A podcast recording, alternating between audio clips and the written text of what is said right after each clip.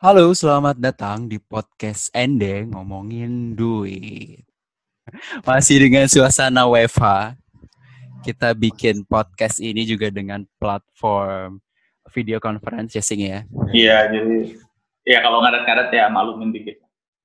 Iya, kalau kalau sinyal tiba-tiba hilang atau suara tiba-tiba hilang ya udah mohon dimaklum lah ya.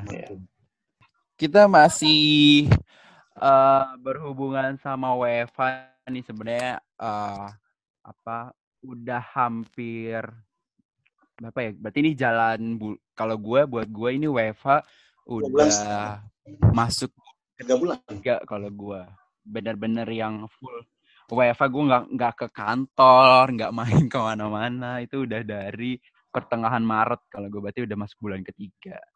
Nah, ya, sama. Tapi kalau kalau gue masih masih ngantor sih, masih tiket sih beberapa kali kantor. Nah, gua sama iya. ke sini beberapa kali masuk. Nah iya kan kalau saya masih jadi tuh benar-benar uh, si WiFi ini bikin gua awalnya semangat ya dua minggu tiga minggu pertama semangat ya kita WiFi ya kita masih wah kita uh, zoom uh, bareng rapat kantor di zoom terus diupload apa segala macam masuk minggu keempat kelima keenam kayak aduh apa sih ini pagi-pagi udah zoom ya gitulah pokoknya. Apa deh yang paling lu rasain berdampak ketika WFH gini apa ya? apa sih ya? Sebenarnya sih banyak dari WFH ini gue nggak sebanyak positif negatifnya juga ya kalau uh, negatifnya dulu kali ya. Kalau gue tipikal orang ya gue tipikal orang yang seneng ketemu sama orang baru ya ketemu ketemu orang gitu kenalan ber, apa bersosialisasi gitu. Jadi kayak selama WFH ini kayak uh, kurang sosialisasi, kurang ketemu orang baru. Kan kalau misalnya kita di kantor kan kita rapat gitu, kita uh, keluar kantor gitu. Terus ketemu orang baru, kita kenalan apa segala macam komunikasi. Nah, kalau misalnya kita lagi meeting uh, video conference gini ya ketemu orang barunya kan ya tahu nama doang kan mending kalau ada videonya kalau kagak ada nama doang ya kagak kelihatan siapa. Iya. Kayak gitu sih kalau gue sih negatifnya. Tapi kalau dari positifnya kalau dari positifnya pasti banyak banget lah. Salah satunya ya karena rumah gue super jauh ya dari kantor. Jadi uh, dengan adanya WiFi ini gue ngerasa uh, punya lebih banyak waktu karena kan uh, travel time-nya tuh jadi berkurang kan kita nggak biasanya gue tiga jam di jalan itu untuk pulang pergi sekarang bisa uh, jam 7 baru bangun, biasanya jam 5 subuh tuh gue udah rapi, udah siap ke kantor. Jadi gue uh, jam 7 baru bangun. Langsung absen terus tidur lagi. Ya, benar, benar. kayak gitu. Absennya online sih. Iya. kalau gua sih sebenarnya agak berkeba agak sedikit berkebalikan dengan lu ya dan kasusnya gua kan masih ngekos dekat dari kantor. Hmm. sama gua sebenarnya kalau jujur gua sampai saat ini masih nyaman-nyaman aja sih WFH maksudnya gua gua nggak bukan orang yang maksudnya yang yang apa yang harus banget ketemu orang gitu. Gue seneng aja sendiri explore apa kayak hal-hal sendiri nyari-nyari apa ya lebih suka kerjain sesuatu sendiri sih. Jadi gue memang mungkin masih di udah udah terlalu nyaman, nyaman sendiri ya, ya udah terbiasa sendiri. Untuk aja dong ya terlalu lama sendiri. Ya gitu sih kalau gue ya gimana ya kalau gue sih lebih lebih condong itu melihatnya ke sisi positif ya selain ya untungnya ada teknologi juga sih tapi ya karena memang juga terkait pribadi gue juga ya memang lebih nggak terlalu suka apa? Sosialisasi. Iya gitu yang sosialisasi dalam skala besar. selalu suka keramaian nih lu gimana sih kalau lu kalau gue yang paling dampak sih ketika WFA adalah eh tadi gue nggak bisa bedain hampir sama kayak Denny lah tapi kalau misalnya dari negatifnya ya gue nggak bisa bedain mana rumah mana kantor gitu. Ketika WFH ini kayak gue ngerasa ya kantor gua, rumah gua, rumah gua, kantor gua kayak gitu. Itu jadi negatif buat gua karena hmm. terkadang jam 5 pagi, jam 6 pagi udah buka kerjaan. Karena di waktu itu produktif. Tapi kadang di waktu jam kerja, di waktu yang harusnya gua ngantor, kalau di jam normalnya nih, misalnya jam 10 pagi atau jam 2 siang, itu waktunya normal ngantor, gue rasanya pengen tidur siang gitu gitu kan. Itu jadi apa ya pola pola hidupnya berbeda gitu. Jadi 24 jam itu gue ngerasa gue di kantor-kantor aja. Atau 24 jam gue ngerasa gue di rumah-rumah aja gitu.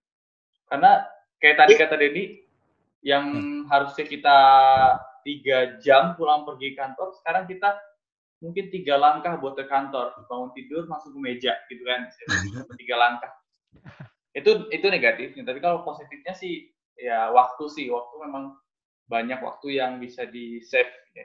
kayak tiga jam di jalan itu memang capek banget sih. Dari Bekasi ke Jakarta lelahnya luar biasa tapi dari save waktu itu bisa dimanfaatkan untuk hal, positif. Ya bisa explore yeah, yeah. sesuatu hal yang baru belajar hal yang baru kayak gitu. Atau bahkan kalau di rumah pun terkadang memang kita lebih produktif untuk mengerjakan sesuatu gitu. Kalau gua kalau gua pribadi tapi contohnya apa tuh yang yang biasa lo lakuin? Kalau kalau gue kalau gue produktifnya ya gue menemukan waktu produktif ketika gue di rumah itu kayak pagi hari atau malam kayak jam-jam segini nih jam jam 8 jam 9 malam itu produktif untuk mengerjakan sesuatu tapi uh, di sisi negatifnya adalah gue kehilangan waktu untuk apa ya untuk membedakan tadi kantor dan rumah kayak gitu. Tapi emang maksudnya kan hmm. Apa? Gak ada perbedaan intensitas kerjaan gitu antara ketika lu WFH dengan kerja seperti biasanya. Ya, untuk intensitas kerjaan sih sama aja sebenarnya. Jadi posisi Oh, sama aja kan. Iya, sama aja kalau gue intensitas kerjaan karena kan gue kerja di bidang keuangan tapi di salah satu kontak centernya gitu kan. Jadi kan itu kan bisa mengelola baik teknologi memang pengelolaannya semua baik teknologi uh, phone-nya baik teknologi media sosial baik teknologi dan semacamnya. Jadi ketika di WFH kan pun itu baik teknologi untuk uh, kontrol itu semua. Nah yang membedakan gue adalah positifnya gue bisa produktif karena gue menemukan jam produktif gue jadi saving time. Jadi biasanya gue ngerjain sesuatu itu ketika di kantor dua jam, tiga jam untuk waktu berpikir. Karena jam 8 sampai jam 11 bisa ngerjain sesuatu yang untuk satu materi aja atau satu analisa data aja. Tapi ketika di rumah, gue bisa ngerjain itu satu jam atau satu setengah jam udah selesai. Karena gue menemukan pola waktu produktif. Gitu kan. Tapi hmm, di yeah. sisi negatifnya juga, pokoknya ketika tadi tadi gue pindahin itu di rumah, gue kan lebih produktif nih. Nah, tapi ketika kerjaan itu gue pindahkan ke rumah di waktu yang sama, misal gue ngerjain kerjaan yang tadinya gue kerjain jam 8 sampai jam 10 di kantor, 3 jam waktu gue untuk kerjain itu, tapi gue coba kerjain hal yang sama di waktu yang sama jam 8 sampai jam 10 itu ternyata nggak bisa. Gue malah bisa lebih lama ngerjainnya karena di waktu siang gue lebih banyak ke distract dengan sesuatu hal yang nggak bagus menurut gue nonton TV lah nonton film lah dan semacamnya gitu hmm. Hmm. Itu itu di sisi negatifnya, gue ke distract kalau di rumah. Tapi sisi positifnya, gue menemukan jam produktif gue ketika di rumah. Gitu sih kalau dari sisi gue. Sebenarnya gue sama nih kayak kayak lo nih sing. Uh, di mana sebenarnya kalau gue lagi di kantor, gue itu susah untuk fokus ke kerjaan karena gue itu gak terlalu suka keramaian kalau lagi kerja. Gue tuh lebih suka suasana yang sepi, yang tenang gitu. Walaupun ya saat gue sendiri ngerjain kerjaan gue ya gue dengerin musik atau dengerin podcast gitu. Uh, tapi kalau misalnya kita di kantor kan suka ada aja gitu gangguannya yang orang nanya lah, yang bercanda, ketawa tiwi lah, apa segala macam gitu. Kalau gue sukanya, kalau misalnya gue kerja dari rumah sih ya lebih ke suasana sih ya. Gue lebih suka suasana yang sepi. Kita bisa ngelola nah, suasana ngomong -ngomong, gitu ya. Iya betul, kita bisa ngebentuk suasana mood, sesuai sama mood kita gitu. Gimana sih uh, supaya kita semangat kerja, kita bikin uh, suasana yang nyaman gitu buat kita diri kita sendiri itu di rumah lebih leluasa. Nah, kalau misalnya dari sisi keuangan pribadi nih, menurut kalian ada nggak sih dampak dari WFA atau selama masa pandemi ini ke keuangan pribadi kalian tuh gimana? Kalau gua gua terdampak dari sisi pemasukan dan juga pengeluaran sih menurut gua gini. Karena kalau di luar WF, di luar masa WFA atau pandemi ini sebelum pandemi atau sebelum WFA ini kan selain gua kantor Senin sampai Jumat, Sabtu Minggu kan ya lu tau dan gua kadang kan keluar kota, ngisi workshop, ngisi seminar-seminar hmm, gitu iya, kan. Iya, iya. Itu kan ada pemasukan-pemasukan tambahan yang menambah keuangan pribadi maupun keuangan keluarga gua gitu kan. Tapi ketika hmm. ketika WFH ini ada, otomatis gua kerja ya cuma dari Senin sampai Jumat, satu minggu gue belum bisa ngisi workshop atau seminar seperti biasa. Jadi itu pemasukan dari sisi itu tertutup gitu kan. Nah, itu dari masukan dampaknya kayak gitu. Ditambah lagi di tahun ini udah nggak ada lagi gue dapet uh, apa namanya royalti atas buku yang 2016 gue terbitkan. Jadi stop gitu kan. Nah, di 2000 eh di masa pandemi ini juga pengeluaran juga terdampak sebenarnya. Pengeluaran ada sisi yang lebih hemat, ada sisi yang lebih boros. Hematnya, hmm. gua nggak perlu bayar parkiran ketika parkirin motor di terminal. Gua nggak hmm. perlu bayar bensin untuk beli bensin yang banyak untuk berangkat kantor. Terus begitu uh, gua nggak perlu makan di luar, jajan-jajan di luar karena gua malah khawatir ketika gua jajan di luar. Itu dari sisi ya, ya. Peng, pengurangannya lah, istilahnya pengurangan budget dari gue. Tapi hmm dari sisi borosnya justru dari kuota internet itu boros banget gue namanya nah, boros. Setuju, setuju, setuju. Ah, gila parah, parah. Parah, parah banget. WFH. Terus ada ini tapi ada sisi entertain yang kayaknya bisa gue hemat sih. Dari sisi entertain kayak nonton deh. Nonton ketika yeah, di bioskop, streaming. ketika di bioskop gue non gue keluar nonton di bioskop sama istri misalnya itu kan paling enggak satu kali nonton bisa habis seratus ribu berdua. Ya, bulan dua kali dua ratus ribu. Tapi ketika gue di rumah kan di WFH seribu tuh belum sama jajan ya sing ya? Belum sama jajan. Biasanya harus jajan kan nah terus ketika ketika ketika WFH ketika WFH gini kan ya kita langganan Netflix atau video.com ataupun iFlix dan semacamnya. Itu ketika kita langganan kayak gitu kan kita memang bayar juga sih ke mereka. Cuman hitungan gue sih lebih hemat ya. Lebih hemat karena gue bisa dapat banyak film dengan budget segitu gitu. walaupun film-filmnya ya film-film nggak nggak selalu update banget ya. Cuman gue dapat beberapa film gitu dibandingkan gue yang harus nonton di bioskop ngeluarin ongkos buat parkir mall ngeluarin bensin ngeluarin bayar uh, mbak-mbak bioskopnya. Ya maksudnya bayar bioskop tiket bioskopnya gitu. Bayar tiket bioskopnya gitu kan. Jadi uh, ketika gue mengalihkan itu ke streaming yang berbayar nggak masalah sih bagi gue kayak gitu. Itu dari sisi yang lebih hemat juga kayaknya ya. Yang lebih boros tadi ya kuota tadi boros listrik nah. sih listrik rumah tuh kerasa banget sih hmm. apalagi kan kalau kalau rumah sendiri ya dan yang udah ngerasain lah listrik gimana AC kalau misalnya punya AC, TV dan semacam itu kan pengeluaran uh, yang biasanya kita nyalain listrik cuma malam, ini mau nggak mau dari pagi sampai pagi lagi kita pakai listrik dari nyolokin laptop lah, nyolokin handphone lah dan semacamnya. Itu dari gua. Kalau dari lu jadi gimana sih? Kalau gua sebenarnya sumber penghasilan sih masih dari kerjaan utama ya, cuman dari satu doang. Jadi memang sekarang masih terima, masih terima 100%. Kalau untuk dari segi pengeluaran, sebenarnya nggak jauh beda sih dengan sini tadi. Ya utamanya sih dari segi kuota internet ya. Kebetulan kan kita rapat banyak kan pakai Zoom ya. Zoom Google Meet Skype. Nah itu kebetulan di, di kosan gua kan gak ada internet. Jadi ya lumayan juga sih biaya paketan internet gua beberapa bulan ini sama kalau dari apa kan kemarin kan kita itu ya habis puasa gua kan biasanya mudik seharusnya ya mau dibilang bersyukur juga karena pengeluaran berkurang nggak juga sih ya ya intinya bulan kemarin sih gue sudah spend untuk biaya tiket pulang kampung tapi ya karena ada kita lagi di masa pandemi ya jadinya nggak teralokasikan dulu.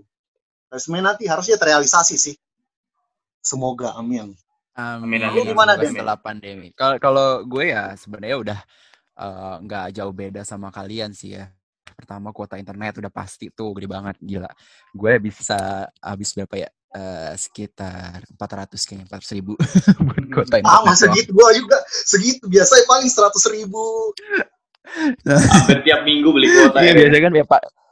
Iya, iya, berasa banget uh, sih kita video conference hampir iya. uh, bukan hampir tiap hari lagi ya. Hampir, uh, hampir sehari itu kadang bisa tiga kali, bisa empat iya, kali. Iya, udah kayak makan obat. Makanya itu parah banget. Iya, udah kayak minum obat. Belum lagi kalau sekarang ya listrik juga berpengaruh AC ini apalagi Bekasi kan gila suasana iya. eh suasana kondisi Bekasi yang dekat matahari kan mempengaruhi kita untuk uh, apa menggunakan AC lebih banyak ya lebih sering nggak mungkin kita siang-siang nggak pakai AC di Bekasi kayak udah, udah panas banget Jarang. jadi nggak nyaman ya. gitu. Nah, kalau misalnya dari sisi pengurangan biaya ya sama sih. Gua kan juga uh, ongkos pulang pergi ke kantor itu udah pasti berkurang. Terus ongkos biaya-biaya biasa buat hangout, biasa buat makan, nonton, semuanya otomatis itu nggak ada.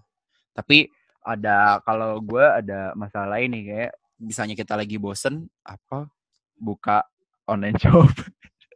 Itu tuh gue bahaya tuh bahaya. Kalau gue gue enggak sih kalau gue terkait. bahaya banget.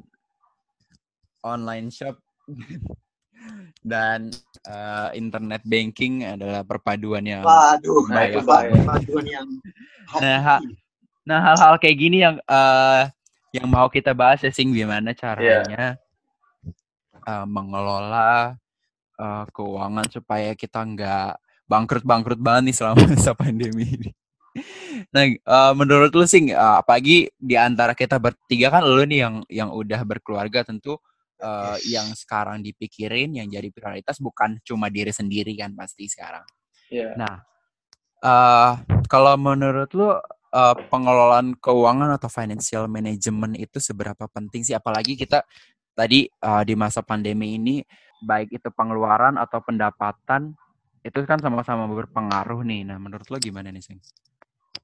Kalau menurut gue financial management itu penting banget sih dan penting banget untuk mengelola keuangan. Terutama uh, dimulai dari diri sendiri ya. Kalau misalnya yang belum nikah nih, justru sebelum nikah lah kalian harus bisa mengelola uang itu sendiri.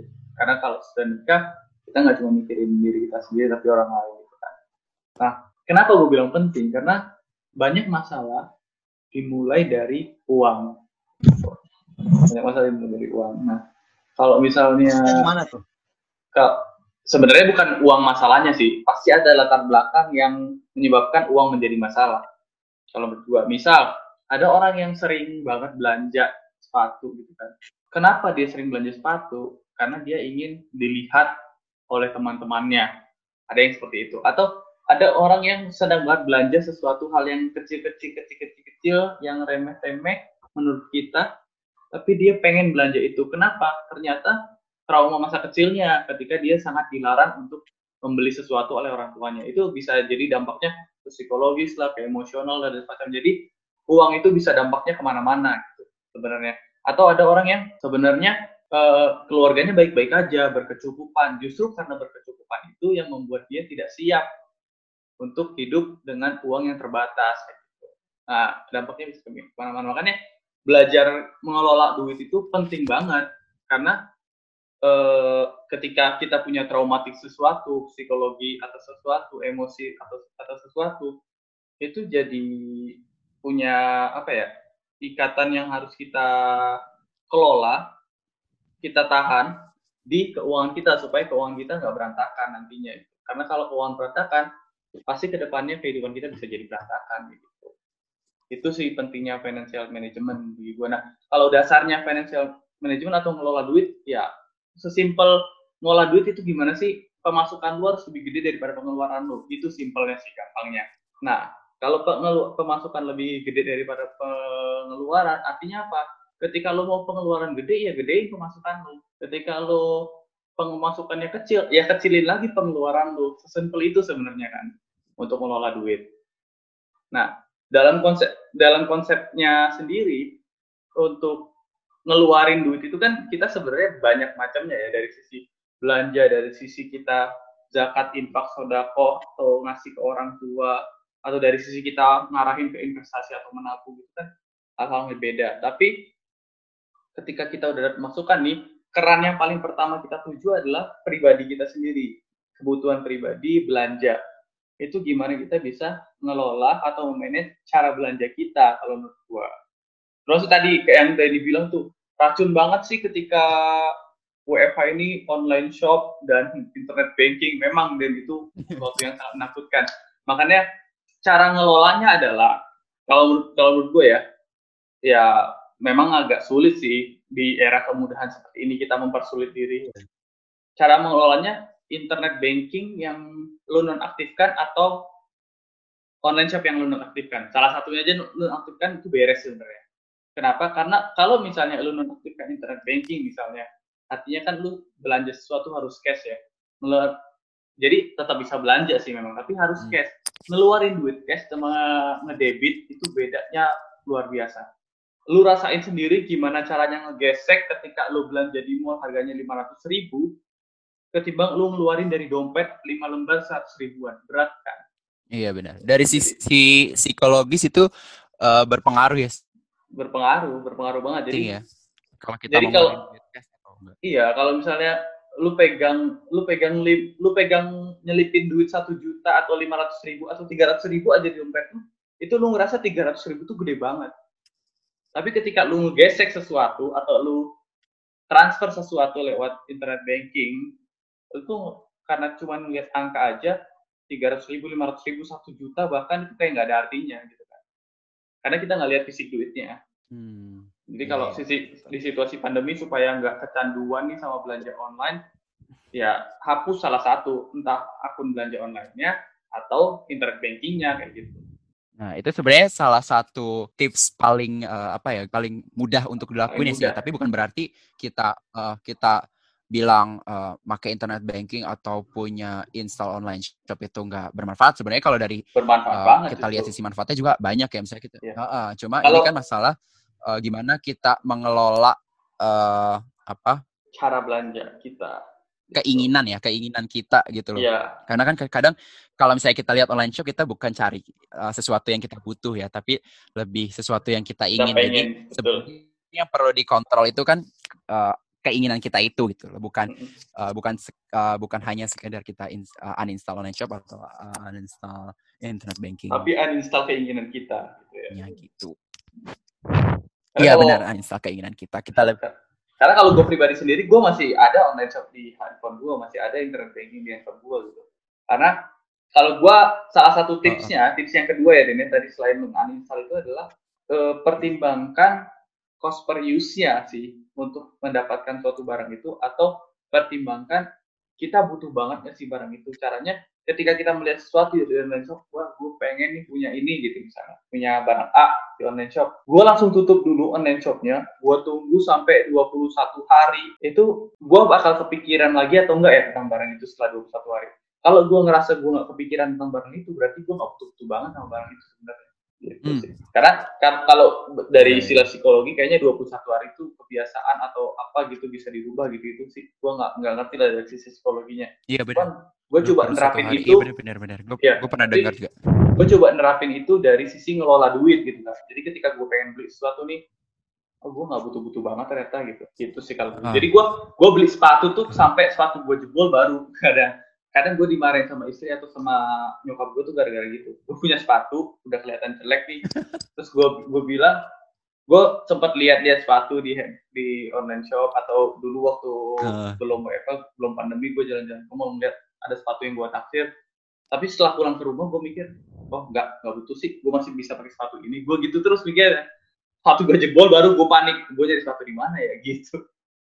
Tapi itu jadi jadi sesuatu yang bisa diterapkan. Kalau kita misalnya masih pengen tetap ada online shop ya buat buat istilahnya ganti jalan-jalan ke mall ya lihat lihat mata cuci cuci mata gitu kan di online shop itu nggak apa-apa tetap dilakukan nggak apa-apa. Yang penting kita bisa nahan dengan cara ketika lu pengen sesuatu coba diemin dulu selama 21 hari lu masih pengen nggak? Kalau masih pengen beli tapi kalau nggak pengen jangan masih butuh bukan masih pengen sih.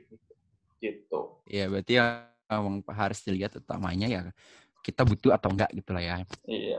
Nah kalau misalnya uh, dari uh, lu nih Jiri, kira-kira ada cerita apa nih kalau misalnya atau tips apa nih kalau misalnya selama wifi ini kita kan uh, pasti hmm. suka ada isengnya nih buka-buka online shop atau buka-buka Instagram terus ada yang bagus. Kalau gue nih uh, ngelihat orang posting uh, lagi main uh, apa namanya konsol game terus tiba-tiba main game langsung ikutan beli ya, itu tuh yang uh, kata si kita ini iya langsung ngecek tiba-tiba kayak langsung refleks aja gitu buka buka uh, buka launch harganya oh gila segini enggak jadi deh Tadi dulu terus kita benar tuh kata Singgi kita tadi nunggu dulu gitu. Uh, 21 hari emang uh, gue juga pernah baca tuh kalau misalnya uh, kita mau ngerubah habit itu sekitar waktu yang kita butuhin itu 21 hari sampai itu jadi kebiasaan. Nah, uh, itu yang uh, apa? yang yang bisa kita pakai gitu uh, waktunya sama 21 hari itu kita mikir gitu bener gak sih kita butuh gitu. Nah kalau lu jadi gimana jadi? Ya, kalau gua sini bukan apa ya sharing kalau gua sih tadi apa sebenarnya udah jelasin sih sama ya sama Cindy sama ini. Kalau gua sih mau coba ngelihat dari sudut pandang lainnya karena gua juga online shop online shop gitu bahkan hampir nggak pernah sih sebenarnya jadi memang gue nggak terlalu relevan dengan ini tapi cuman kalau dari sudut pandang gue ya tadi aplaus dulu dong buat sing eh buat Fajri aplaus aplaus buat Fajri enggak. Gila. Dia termasuk Gak. orang yang ya, soalnya pendapat soalnya pendapatannya dikit nggak gimana mau on, online shop? Coy. Ya lanjut. kalau yang gue mau ini sih sharing sih terkait ya sama tadi yang Singi bilang kan bahwa apa? Kan kita untuk dalam manajemen keuangan khususnya pribadi kan intinya sama aja sih. Intinya kan ada pendapatan dan pengeluaran. Nah secara umum kan pada saat WFH ataupun dalam keadaan pandemi ini kan pendapatan kita kan cenderung itu ya menurun. Maksudnya nggak seperti biasanya. Nah tentunya apa? Uh, ada beberapa hal sih yang perlu diperhatikan kan? Yang pertama itu kan kalau kita lihat mungkin dari segi keuangan ada dari sisi harta kita ataupun bisa uang kita cash kita ada juga dari segi utang kita. Apalagi biasanya anak muda sekarang kan ada kartu kredit ataupun misalnya cicilan rumah motor dan sebagainya. Gua ini kebetulan belum ada cicilan ya misalnya cicilan rumah nah kalau menurut gua lagi yang kedua deh maksudnya nah nggak bukan harusnya itu nggak upload sih karena kan harusnya kita udah ada planning gitu. Betul, buat betul. apa ke depannya kan ada rumah dan sebagainya. Tapi itu dari sudut pandang gua dulu ya maksudnya yang pertama itu kan kita apa pertama harusnya tentukan prioritas itu apa sih yang pengeluaran pengeluaran kita. Misalnya yang utama itu kan kewajiban kita kan misalnya punya cicilan rumah misalnya berapa juta. Nah itu dulu kita alokasikan yang hmm. apa utang kita kepada pihak lain kan apa tanggungan kita lah seperti apa hutang kartu kredit dan sebagainya nah setelah itu nah terkait pandemi ini kan tentunya kita apa sangat rentan ya terkait kesehatan nah itu kalau gua sih kemarin ya karena ada dorongan dari orang tua hmm. juga sih misalnya gua harus selalu makan makan buah beli susu dan sebagainya. Jadi memang ya terkait tadi kos gue juga banyak kan habis ketika pandemi banyak beli makanan sih.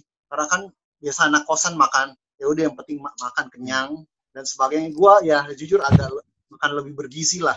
Sekarang masih makan buah, minum susu ya karena itu juga. Maksudnya kan ketika pandemi ini memang maksudnya kebutuhan kita agak agak bergeser nih. Kan ada ya, virus vitamin, dan sebagainya. Ya. Nah itu bagaimana kita memaintain kesehatan kita. Kalau itu, ya. kalau dari itu sih dari gue. Oh, oh iya benar. Kalau gue tadi uh, dari Fajri itu kita yang pertama eh selagi masa pandemi ini kita tuh harus sadar ya misalnya keuangan kondisi keuangan tentang kondisi keuangan kita dampaknya uh, dari COVID ini ke keuangan kita tuh ya, gimana benar, gitu. Uh, kita harus sadar misalnya biasanya kita memang ada misalnya ada pendapatan lain gitu terus jadi kita ah biasa ah, nggak uh, apa-apa lah kita belanja ini dulu nanti bakal ada pemasukan lain. Nah, kalau sekarang itu kan nggak ada ya. Berarti kan kita harus benar-benar sadar kalau oh iya COVID uh, selama masa pandemi ini peng, pendapatan kita berkurang nih. Berarti kita harus ngerem juga nih gitu supaya nggak uh, bangkrut bangkrut banget nih di kemudian hari kayak tiba-tiba yeah. uh, tagihan kartu kredit uh, melonjak gitu kan. Bengkak ya. uh, uh, yang kita benar harus sadar juga kalau misalnya selama masa pandemi ini ya prioritas kita juga jadi berubah gitu loh kalau tadi Fajar bilang lebih ke lebih memperhatikan uh, kondisi kesehatan gitu dengan menjaga pola makan ya itu yang yang perlu kita prioritasin saat ini ya selama masa pandemi ini gitu sih. Kalau lu sendiri dia ngelola duitnya gimana Den? Nah, gimana lu Den? Aduh, kalau misalnya sel jujur ya selama masa pandemi ini gue agak agak uh, agak berantakan dalam pengelolaan keuangan karena kan ya tadi sih gue bilang kan kaget juga gitu dari iya. awalnya kita biasa dapat sekian terus tiba-tiba berkurang hmm. terus biasa kita kita tuh uh, justru gue malah nganggapnya awal-awal awal-awal WiFi ini gue ngerasa pendapatan eh pengeluaran gue lebih sedikit awalnya gue mikir gitu hmm. karena kan tadi kayak yeah. travel cost udah udah pasti berkurang terus budget-budget buat hangout nonton segala macam berkurang tapi ya ternyata enggak kan ternyata malah yeah dia ada biaya-biaya lain yang biasanya normal malah yeah. malah lebih tinggi kayak kuota sama listrik biaya-biaya kayak gitu nah kalau selama masa pandemi ini cara gue ngelola uang ya sebenarnya sih sama kita harus udah tahu nih alokasinya buat uh, kewajiban-kewajiban yang kita punya itu berapa. Jadi sisa uang kita itu ada berapa, misalnya buat orang tua ya, berapa, buat kehidupan sehari-hari itu berapa, kita udah harus sadar itu kita harus sudah punya hitungan kasarnya lah gitu. Jadi kira-kira uh, gue punya sisa uang misalnya enam uh, ratus ribu gitu misalnya sebulan, yang benar-benar bisa gue pakai idle nggak nggak nggak ke mana-mana itu uangnya. Nah, nah itu yang kalau misalnya gue emang pengen uh, beli sesuatu ya dari uang itu gitu, jangan sampai uh, ngelebihin uh, jumlah uang idle yang ada gue tiap bulan gitu kalau misalnya gue mau beli sesuatu gitu kalau gue sih lebih kayak gitu sih gue harus tahu dulu nih perhitungan kasarnya gue keluar uang sebulan berapa gitu. yang untuk kewajiban berapa untuk uh, orang tua berapa untuk kehidupan sehari-hari itu habis berapa nanti kalau misalnya ada sisanya uang idle ya kalau misalnya gue mau jajan mau uh, belanja-belanja di luar kebutuhan uh, rutin ya dari uang yang idle itu. Oke. Mungkin untuk obrolan tadi gue coba wrap dulu kali ya, gue rangkum dulu kali ya. Yeah. Jadi kalau tadi sih ketika kita ngobrolin tentang pentingnya financial management, terus gimana cara kita ngelola duit uh, pribadi nih selama kita di rumah atau di WFH, masa WFH dan pandemi COVID-19 ini, tadi kan ada beberapa yang kayaknya gue tangkap dari obrolan kita. Yang pertama, kita coba ngerem belanja ya. Ngerem belanja caranya ya bisa di uninstall kah, internet atau semacamnya. Atau bisa dengan cara lain yaitu kalau pengen sesuatu, lu coba tahan dulu 21 hari. Kalau misalnya lu masih butuh, lu beli. Kalau nggak butuh, stop. Gitu. Terus tadi uh, Denny juga bilang jangan kaget gitu kan. Jangan kaget ketika kita WFH. Karena ketika WFH ini memang kita dipaksa karena corona, bukan kita mau. Gitu kan. Jadi jangan kaget caranya, kita coba hitung aja secara kasar pengeluaran kita gimana, seperti gitu. Uh, harusnya kita bisa saving berapa setiap bulan, ya harusnya tetap segitu. Bahkan kalau bisa savingnya lebih. Kayak gitu. Terus tadi kalau dari sisi Fajri kayaknya gue tangkapnya terkait tagihan-tagihan harusnya bisa lebih berkurang sih karena kan kayak kartu kredit dan semacamnya yang kita jarang gunakan ketika WFH ini hmm. harusnya bisa lebih termanage dengan baik kayak gitu. Itu dari obrolan kita hari ini yang gue tangkap. Mungkin ada kata-kata terakhir, kata-kata terakhir maksudnya ada penyampaian atau terakhir dari Fadli atau Denny sebelum kita close nih obrolan kita. Kayak udah cukup sih udah. Cukup ya, udah ke wrap ya. Yeah, Denny ada deh tambahan? Iya untuk untuk malam ini atau untuk hari ini kita cukupkan sekian teman-teman. Jadi nanti kita akan ada ngomongin duit selanjutnya di episode episode 2 tungguin aja temanya apa kalau misalnya ada ide bisa sharing ke kita kita. Thank you, bye bye. Bye, sampai jumpa di episode berikutnya.